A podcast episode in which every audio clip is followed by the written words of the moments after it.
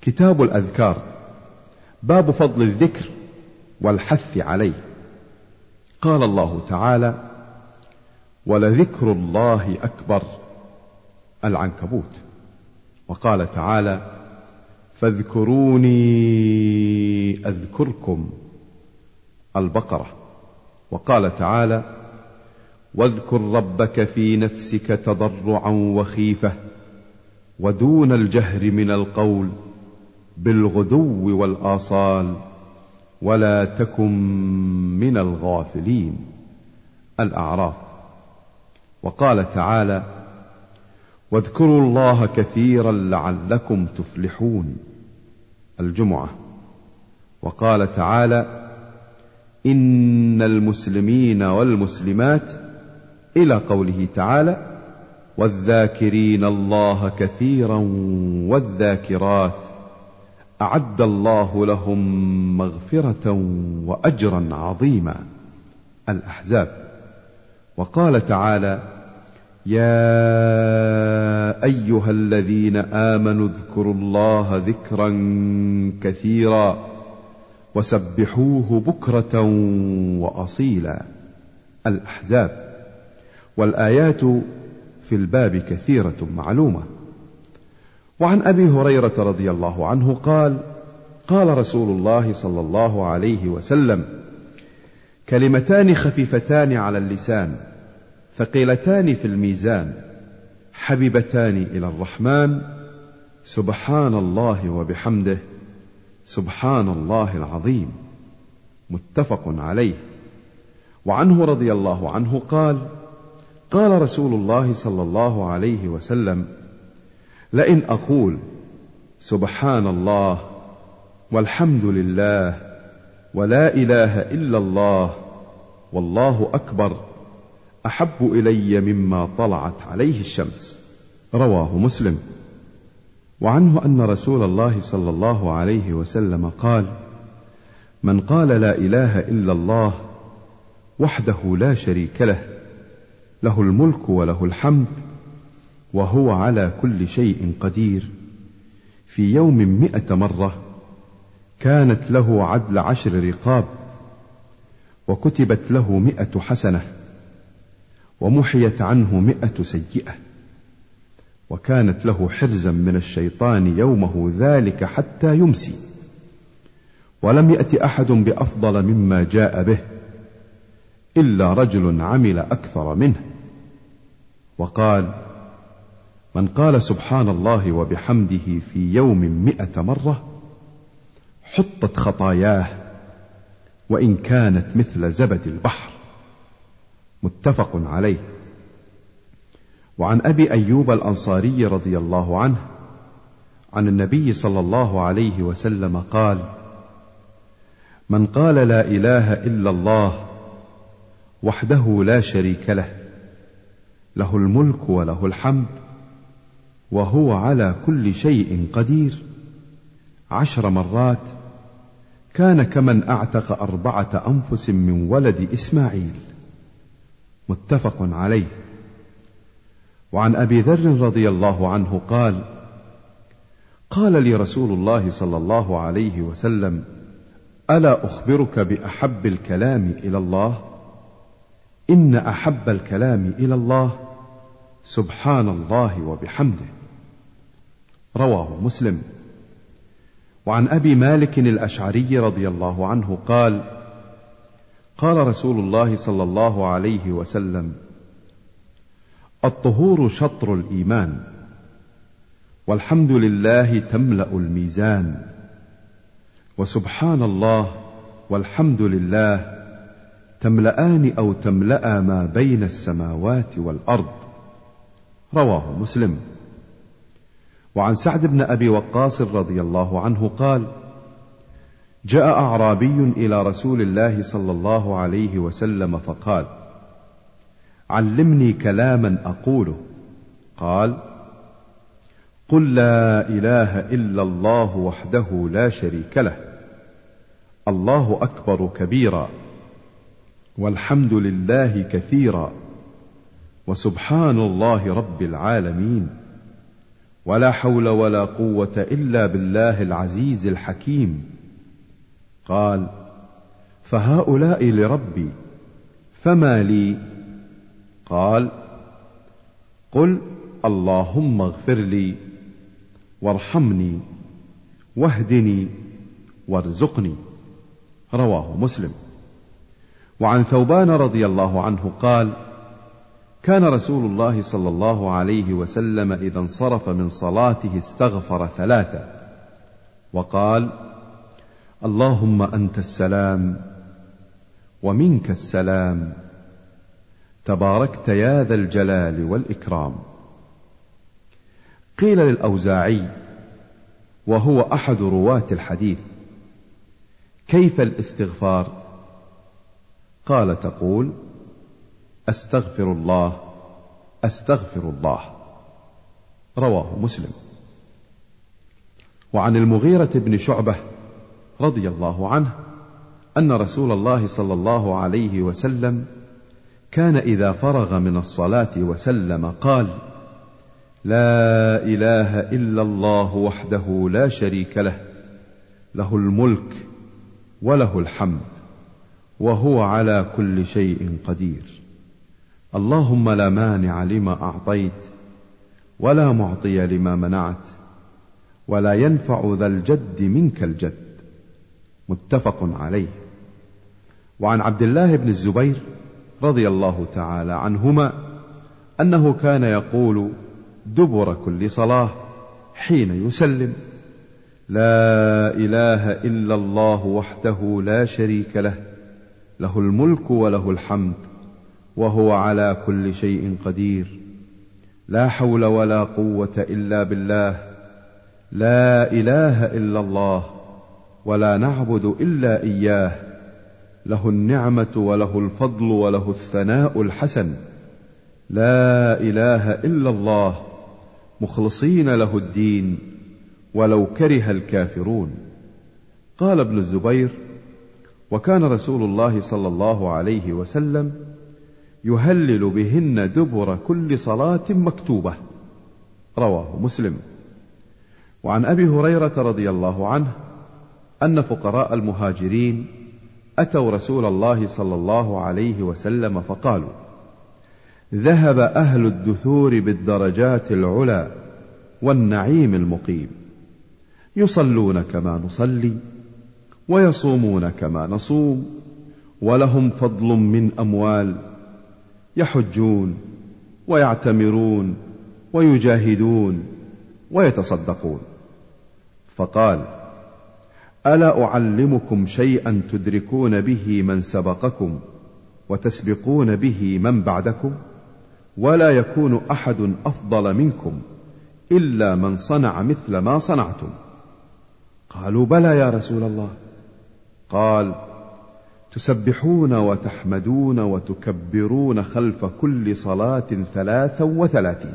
قال أبو صالح الراوي عن أبي هريرة لما سئل عن كيفية ذكرهن قال يقول سبحان الله والحمد لله والله أكبر حتى يكون منهن كلهن ثلاثا وثلاثين.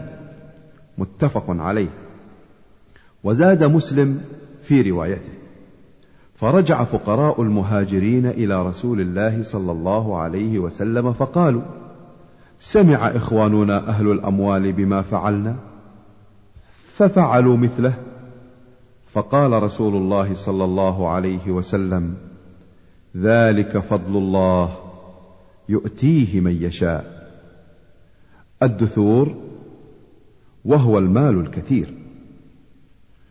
وعنه عن رسول الله صلى الله عليه وسلم قال من سبح الله في دبر كل صلاة ثلاثا وثلاثين وحمد الله ثلاثا وثلاثين وكبر الله ثلاثا وثلاثين وقال تمام المئة لا إله إلا الله وحده لا شريك له له الملك وله الحمد وهو على كل شيء قدير. غفرت خطاياه وإن كانت مثل زبد البحر. رواه مسلم. وعن كعب بن عجرة رضي الله عنه عن رسول الله صلى الله عليه وسلم قال معقبات لا يخيب قائلهن أو فاعلهن دبر كل صلاة مكتوبة. ثلاثا وثلاثين تسبيحة وثلاثا وثلاثين تحميدة واربعا وثلاثين تكبيرة. رواه مسلم.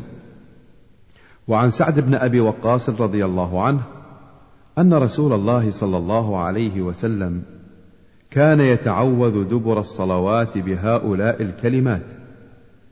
اللهم إني أعوذ بك من الجبن والبخل وأعوذ بك أن أرد إلى أرذل العمر وأعوذ بك من فتنة الدنيا واعوذ بك من فتنة القبر.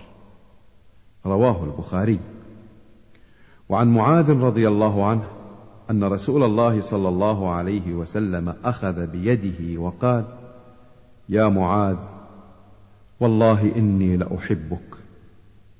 فقال أوصيك يا معاذ لا تدعن في دبر كل صلاة تقول اللهم أعني على ذكرك وشكرك وحسن عبادتك. رواه أبو داود بإسناد صحيح.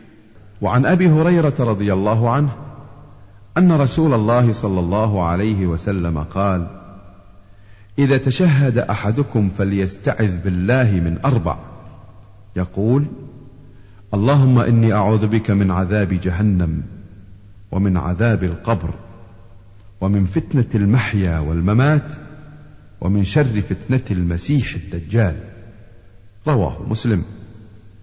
وعن علي رضي الله عنه قال كان رسول الله صلى الله عليه وسلم إذا قام إلى الصلاة يكون من آخر ما يقول بين التشهد والتسليم اللهم اغفر لي ما قدمت وما أخرت وما أسررت وما أعلنت وما أسرفت. وما أنت أعلم به مني. أنت المقدم وأنت المؤخر. لا إله إلا أنت. رواه مسلم. وعن عائشة رضي الله عنها قالت كان النبي صلى الله عليه وسلم يكثر أن يقول في ركوعه وسجوده سبحانك اللهم ربنا وبحمدك اللهم اغفر لي. متفق عليه. وعنها أن رسول الله صلى الله عليه وسلم كان يقول في ركوعه وسجوده سبوح قدوس رب الملائكة والروح. سبوح قدوس أي ركوعي وسجودي لمن هو البالغ في النزاهة والطهارة المبلغ الأعلى. والروح جبريل. عليه السلام. وعن ابن عباس رضي الله عنهما أن رسول الله صلى الله عليه وسلم قال فأما الركوع فعظموا فيه الرب وأما السجود فاجتهدوا في الدعاء فقمن أن يستجاب لكم. رواه مسلم. وعن أبي هريرة رضي الله عنه أن رسول الله صلى الله عليه وسلم قال أقرب ما يكون العبد من ربه وهو ساجد فأكثروا من الدعاء. رواه مسلم. وعنه أن رسول الله صلى الله عليه وسلم كان يقول في سجوده اللهم اغفر لي ذنبي كله دقه وجله وأوله وآخره وعلانيته وسره. رواه مسلم. وعن عائشة رضي الله عنها قالت افتقدت النبي صلى الله عليه وسلم ذات ليلة فتحسست فإذا هو راكع أو ساجد يقول سبحانك وبحمدك لا إله إلا أنت. وفي رواية فوقعت يدي على بطن قدميه وهو في المسجد وهما منصوبتان وهو يقول اللهم إني أعوذ برضاك من سخطك وبمعافاتك من عقوبتك وأعوذ بك منك لا أحصي ثناء عليك أنت كما أثنيت على نفسك. رواه مسلم. وعن سعد بن أبي وقاص رضي الله عنه قال كنا عند رسول الله صلى الله عليه وسلم فقال أيعجز أحدكم أن يكسب في كل يوم ألف حسنة؟ فسأله سائل من جلسائه كيف يكسب ألف حسنة؟ قال يسبح مئة تسبيحة فيكتب له ألف حسنة أو يحط عنه ألف خطيئة. رواه مسلم. قال الحميدي كذا هو في كتاب مسلم أو يحط. قال البرقاني ورواه شعبة وأبو عوانة ويحيى القطان عن موسى الذي رواه مسلم من جهته فقالوا ويحط بغير ألف. وعن أبي ذر رضي الله عنه أن رسول الله صلى الله عليه وسلم قال يصبح على كل سلامة من أحدكم صدقة. فكل تسبيحة صدقة وكل تحميدة صدقة وكل تهليلة صدقة وكل تكبيرة صدقة وأمر بالمعروف صدقة ونهي عن المنكر صدقة ويجزئ من ذلك ركعتان يركعهما من الضحى. رواه مسلم. وعن أم المؤمنين جويرية بنت الحارث رضي الله عنها أن النبي صلى الله عليه وسلم خرج من عندها بكرة حين صلى الصبح وهي في مسجدها ثم رجع بعد أن أضحى وهي جالسة فقال ما زلت على الحال التي فارقتك عليها؟ قالت نعم. فقال النبي صلى الله عليه وسلم لقد قلت بعدك أربع كلمات ثلاث مرات لو وزنت بما قلت منذ اليوم لوزنتهن. سبحان الله وبحمده عدد خلقه ورضاء نفسه وزنه عرشه ومداد كلماته. رواه مسلم. وفي رواية له سبحان الله عدد خلقه سبحان الله رضاء نفسه سبحان الله زنة عرشه سبحان الله مداد كلماته. وفي رواية الترمذي ألا أعلمك كلمات تقولينها؟ سبحان الله عدد خلقه. سبحان الله عدد خلقه. سبحان الله عدد خلقه. سبحان الله رضا نفسه. سبحان الله رضا نفسه. سبحان الله رضا نفسه. سبحان الله زنة عرشه. سبحان الله زنة عرشه. سبحان الله زنة عرشه. سبحان الله مداد كلماته. سبحان الله مداد كلماته. سبحان الله مداد كلماته. وعن أبي موسى الأشعري رضي الله عنه عن النبي صلى الله عليه وسلم قال مثل الذي يذكر ربه والذي لا يذكره مثل الحي والميت. رواه البخاري. ورواه مسلم فقال مثل البيت الذي يذكر الله فيه والبيت الذي لا يذكر الله فيه مثل الحي والميت.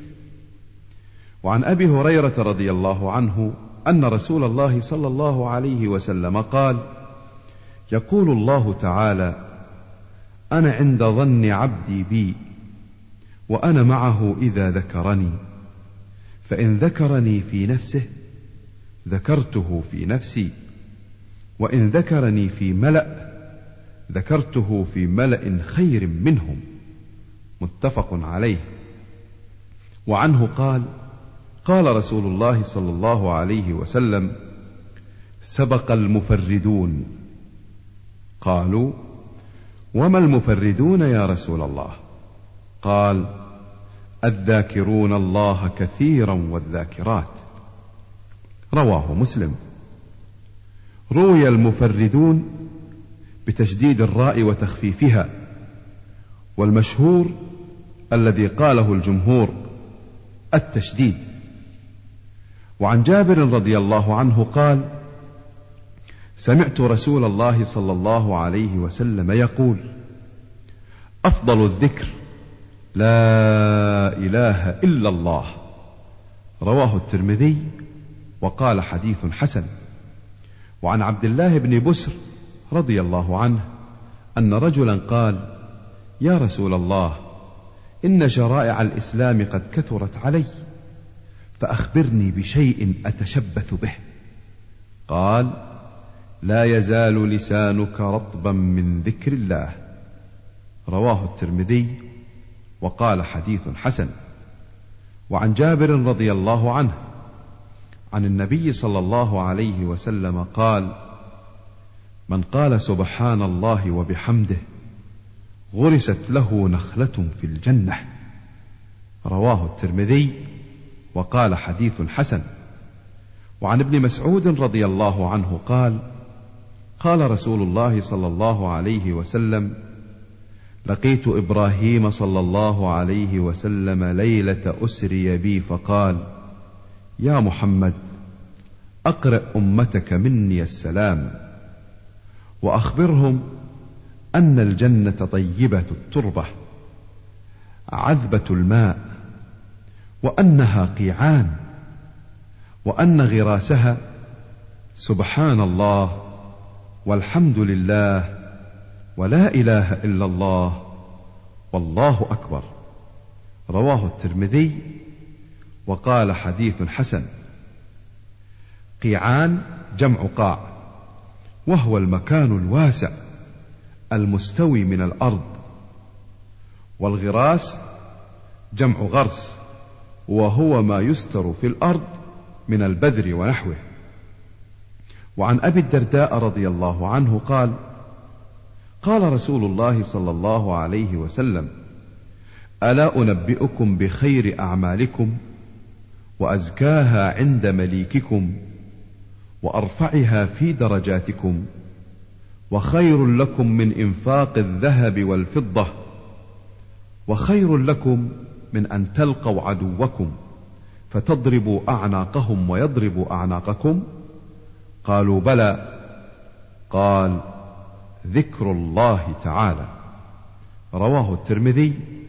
قال الحاكم أبو عبد الله إسناده صحيح. وعن سعد بن أبي وقاص رضي الله عنه أنه دخل مع رسول الله صلى الله عليه وسلم على امرأة وبين يديها نوى أو حصى تسبح به. فقال أخبرك بما هو أيسر عليك من هذا أو أفضل؟ فقال سبحان الله عدد ما خلق في السماء وسبحان الله عدد ما خلق في الأرض وسبحان الله عدد ما بين ذلك وسبحان الله عدد ما هو خالق والله أكبر مثل ذلك والحمد لله مثل ذلك ولا إله إلا الله مثل ذلك ولا حول ولا قوة إلا بالله مثل ذلك. رواه الترمذي وقال حديث حسن. وعن أبي موسى رضي الله عنه قال قال لي رسول الله صلى الله عليه وسلم ألا أدلك على كنز من كنوز الجنة؟ فقلت بلى يا رسول الله. قال لا حول ولا قوة إلا بالله. متفق عليه. باب ذكر الله تعالى قائما وقاعدا ومضطجعا ومحدثا وجنبا وحائضا. إلا القرآن فلا يحل لجنب ولا حائض. قال الله تعالى إن في خلق السماوات والأرض واختلاف الليل والنهار لآيات لأولي الألباب الذين يذكرون الله قياما وقعودا وعلى جنوبهم. آل عمران. وعن عائشة رضي الله عنها قالت كان رسول الله صلى الله عليه وسلم يذكر الله تعالى على كل أحيانه. رواه مسلم. وعن ابن عباس رضي الله عنهما عن النبي صلى الله عليه وسلم قال لو أن أحدكم إذا أتى أهله قال بسم الله اللهم جنبنا الشيطان وجنب الشيطان ما رزقتنا فقضي بينهما ولد لم يضره. متفق عليه. باب ما يقوله عند نومه واستيقاظه. عن حذيفة وأبي ذر رضي الله عنهما قال كان رسول الله صلى الله عليه وسلم إذا أوى إلى فراشه قال باسمك اللهم أحيا وأموت. وإذا استيقظ قال الحمد لله الذي أحيانا بعدما أماتنا وإليه النشور. رواه البخاري. باب فضل حلق الذكر والندب على ملازمتها والنهي عن مفارقتها لغير عذر. قال الله تعالى واصبر نفسك مع الذين يدعون ربهم بالغداة والعشي يريدون وجهه ولا تعد عيناك عنهم. الكهف. وعن أبي هريرة رضي الله عنه قال قال رسول الله صلى الله عليه وسلم إن لله تعالى ملائكة يطوفون في الطرق يلتمسون أهل الذكر. فإذا وجدوا قوما يذكرون الله عز وجل تنادوا هلموا إلى حاجتكم فيحفونهم بأجنحتهم إلى السماء الدنيا فيسألهم ربهم وهو أعلم. ما يقول عبادي؟ قال يقولون يسبحونك ويكبرونك ويحمدونك ويمجدونك. فيقول هل رأوني؟ فيقولون لا والله ما رأوك. فيقول كيف لو رأوني؟ قال يقولون لو رأوك كانوا أشد لك عبادة وأشد لك تمجيدا وأكثر لك تسبيحا. فيقول فماذا يسألون؟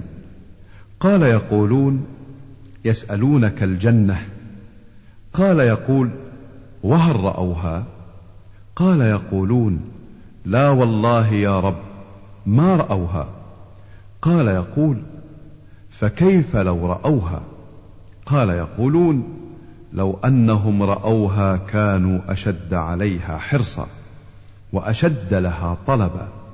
وأعظم فيها رغبة. قال فمما يتعوذون؟ قال يتعوذون من النار.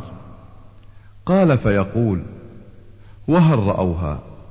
قال يقولون لا والله ما رأوها. فيقول كيف لو رأوها؟ قال يقولون لو رأوها كانوا أشد منها فرارا وأشد لها مخافة. قال فيقول فأشهدكم أني قد غفرت لهم. قال يقول ملك من الملائكة فيهم فلان ليس منهم إنما جاء لحاجة. قال هم الجلساء لا يشقى بهم جليسهم. متفق عليه. وفي رواية لمسلم عن أبي هريرة رضي الله عنه عن النبي صلى الله عليه وسلم قال إن لله ملائكة سيارة فضلا يتبعون مجالس الذكر فإذا وجدوا مجلسا فيه ذكر قعدوا معه وحف بعضهم بعضا بأجنحتهم حتى يملأوا ما بينهم وبين السماء الدنيا. فإذا تفرقوا عرجوا وصعدوا إلى السماء فيسألهم الله عز وجل وهو أعلم. من أين جئتم؟ فيقولون جئنا من عند عباد لك في الأرض يسبحونك ويكبرونك ويهللونك ويحمدونك ويسألونك. قال وماذا يسألوني؟ قالوا يسألونك جنتك. قال وهل رأوا جنتي؟ قالوا لا. أي رب؟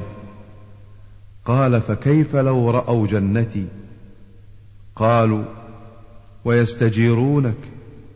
قال ومما يستجيرونني؟ قالوا من نارك يا رب. قال وهل رأوا ناري؟ قالوا لا. قال فكيف لو رأوا ناري؟ قالوا ويستغفرونك؟ فيقول قد غفرت لهم وأعطيتهم ما سألوا. وأجرتهم مما استجاروا. قال فيقولون رب فيهم فلان عبد خطاء إنما مر فجلس معهم. فيقول وله غفرت هم القوم لا يشقى بهم جليسهم. وعنه وعن أبي سعيد رضي الله عنهما قال قال رسول الله صلى الله عليه وسلم لا يقعد قوم يذكرون الله إلا حفتهم الملائكة وغشيتهم الرحمة ونزلت عليهم السكينة وذكرهم الله في من عنده رواه مسلم. وعن أبي واقد الحارث بن عوف رضي الله عنه أن رسول الله صلى الله عليه وسلم بينما هو جالس في المسجد والناس معه إذ أقبل ثلاثة نفر فأقبل اثنان إلى رسول الله صلى الله عليه وسلم وذهب واحد فوقف على رسول الله صلى الله عليه وسلم فأما أحدهما فرأى فرجة في الحلقة فجلس فيها وأما الآخر فجلس خلفهم. وأما الثالث فأدبر ذاهبا. فلما فرغ رسول الله صلى الله عليه وسلم قال ألا أخبركم عن النفر الثلاثة؟ أما أحدهم فأوى إلى الله فآواه الله. وأما الآخر فاستحيا فاستحيا الله منه. وأما الآخر فأعرض فأعرض الله عنه. متفق عليه. وعن أبي سعيد الخدري رضي الله عنه قال خرج معاوية رضي الله عنه على حلقة في المسجد فقال ما أجلسكم؟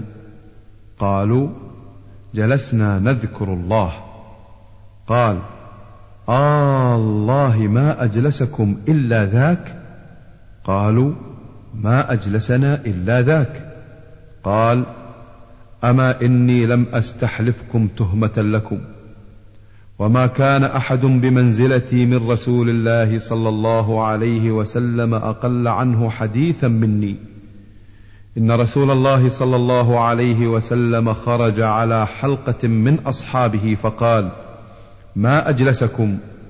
قالوا جلسنا نذكر الله. ونحمده على ما هدانا للإسلام ومن به علينا. قال آه الله ما أجلسكم إلا ذاك. قالوا والله ما أجلسنا إلا ذاك.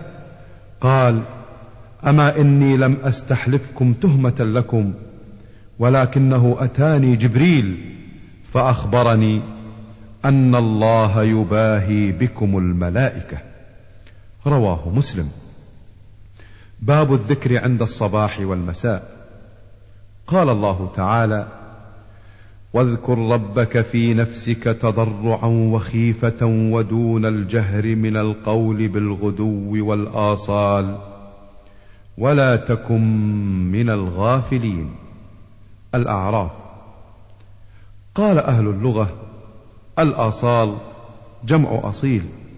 وهو ما بين العصر والمغرب.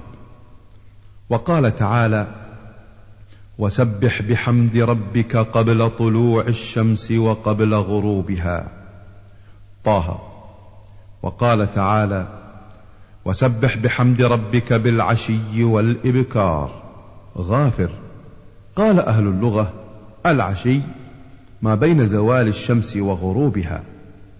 وقال تعالى في بيوت أذن الله أن ترفع ويذكر فيها اسمه يسبح له فيها بالغدو والآصال رجال لا تلهيهم تجارة ولا بيع عن ذكر الله. النور وقال تعالى إنا سخرنا الجبال معه يسبحن بالعشي والإشراق. صاد وعن أبي هريرة رضي الله عنه قال قال رسول الله صلى الله عليه وسلم من قال حين يصبح وحين يمسي سبحان الله وبحمده مئة مرة. لم يأت أحد يوم القيامة بأفضل مما جاء به إلا أحد قال مثل ما قال أو زاد. رواه مسلم. وعنه قال جاء رجل إلى النبي صلى الله عليه وسلم فقال يا رسول الله ما لقيت من عقرب لدغني البارحة؟ قال أما لو قلت حين أمسيت أعوذ بكلمات الله التامات من شر ما خلق لم تضرك. رواه مسلم. وعنه عن النبي صلى الله عليه وسلم أنه كان يقول إذا أصبح اللهم بك أصبحنا وبك أمسينا وبك نحيا وبك نموت وإليك النشور. وإذا أمسى قال اللهم بك أمسينا وبك نحيا وبك نموت وإليك النشور. رواه أبو داود والترمذي وقال حديث حسن. أقول عندي في الكتاب أن آخر الحديث وإليك النشور والذي أحفظه وإليك المصير والله أعلم. وعنه أن أبا بكر الصديق رضي الله عنه قال يا رسول الله مرني بكلمات أقولهن إذا أصبحت وإذا أمسيت. قال قل اللهم فاطر السماوات والأرض عالم الغيب والشهادة رب كل شيء ومليكه أشهد أن لا إله إلا أنت أعوذ بك من شر نفسي وشر الشيطان وشركه. قال قلها إذا أصبحت وإذا أمسيت وإذا أخذت مضجعك. رواه أبو داود والترمذي وقال حديث حسن صحيح. وعن ابن مسعود رضي الله عنه قال كان نبي الله صلى الله عليه وسلم إذا أمسى قال أمسينا وأمسى الملك لله والحمد لله لا إله إلا الله وحده لا شريك له.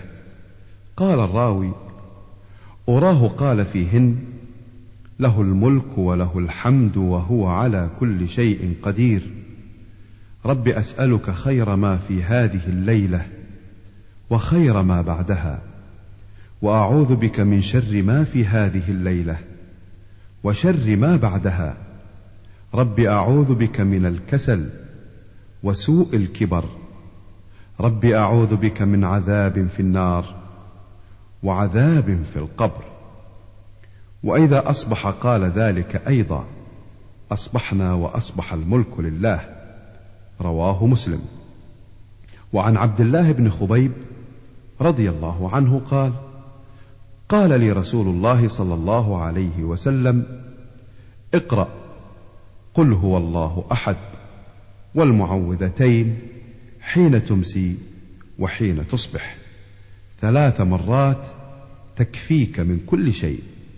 رواه أبو داود والترمذي وقال حديث حسن صحيح.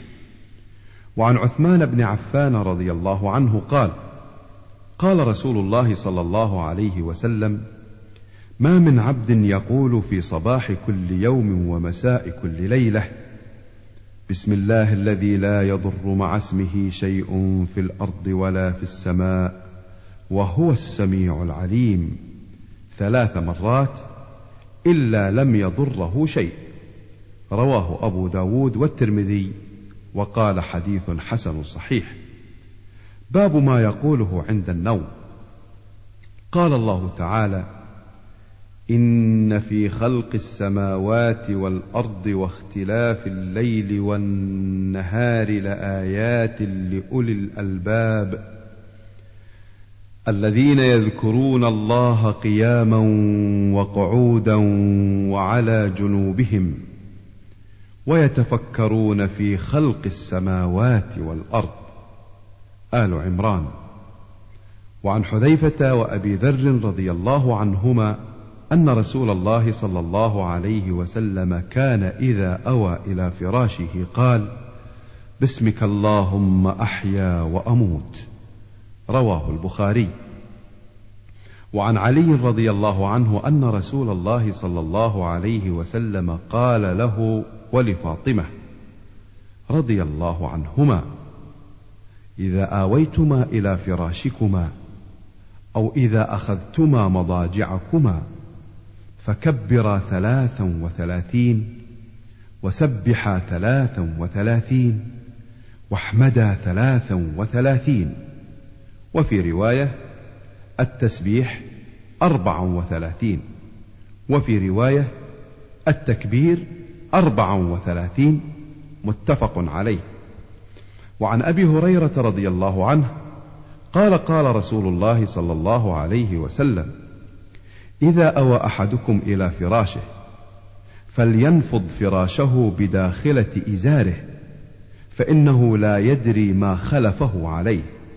ثم يقول باسمك ربي وضعت جنبي وبك أرفعه إن أمسكت نفسي فارحمها وإن أرسلتها فاحفظها بما تحفظ به عبادك الصالحين. متفق عليه. وعن عائشة رضي الله عنها أن رسول الله صلى الله عليه وسلم كان إذا أخذ مضجعه نفث في يديه وقرأ بالمعوذات ومسح بهما جسده. متفق عليه.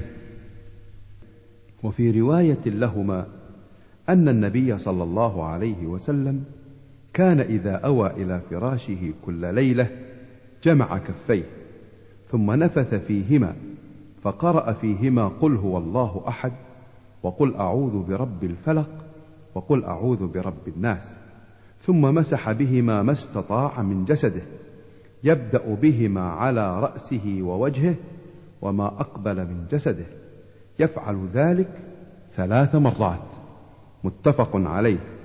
قال أهل اللغة النفث نفخ لطيف بلا ريق.